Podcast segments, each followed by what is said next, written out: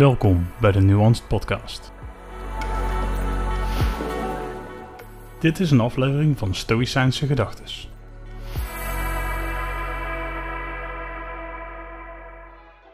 Geen zelfkastijding noodzakelijk. Filosofie vraagt om een simpel leven, maar niet om straffing. Het is best mogelijk om simpel te zijn zonder dat je ruw bent. Seneca, Moral Letters 5.5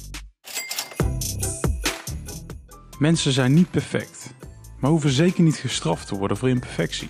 Zelfkritiek is prima, maar mensen verbinden vaak een straf aan deze zelfkritiek. Dit is onverstandig, omdat je hiermee al iets dat al moeilijk is, nog moeilijker maakt.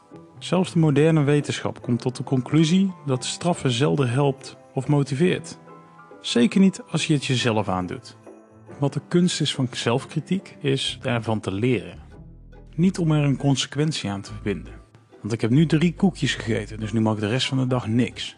Als het even aan diëten koppelen. Het negatief motiveren van jezelf of anderen is eigenlijk niet mogelijk. Want negativiteit motiveert niet, dat remt. Aan de andere kant aan een positieve motivatie hoeft niet altijd nog iets meer positiefs te zitten. Dus je hoeft ook niet altijd beloond te worden. Maar straffen is nog een, een tandje erger dan een beloning krijgen. Je kunt een slechte gewoonte bijvoorbeeld ook niet verbeteren door jezelf te straffen wanneer je hem uitvoert. Wat je moet doen is de trigger herkennen, dan de actie aanpassen en de beloning aanpassen. Wanneer je die beloning vervangt door een straf, dan ga je het niet meer uitvoeren. Dan krijg je een negatieve associatie mee. Maar de trigger en de actie blijven bestaan.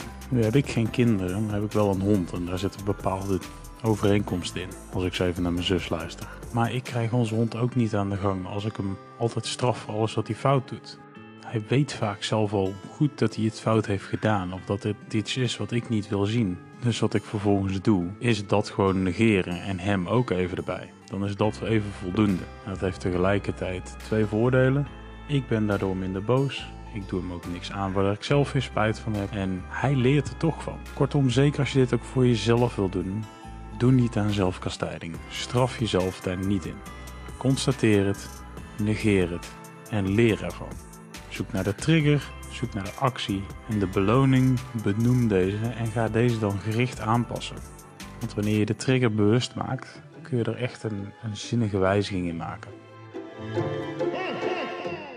Vond jij deze aflevering waardevol? Abonneer dan op het Nuance Podcast YouTube kanaal. Volg de podcast op Spotify of deel de podcast met anderen via social media en like de podcast of de post. Dit helpt mij het kanaal te ontwikkelen en de podcast te verspreiden enorm bedankt voor je tijd en tot snel. Dit was een Stoïcijnse gedachte in de Nuanced Podcast.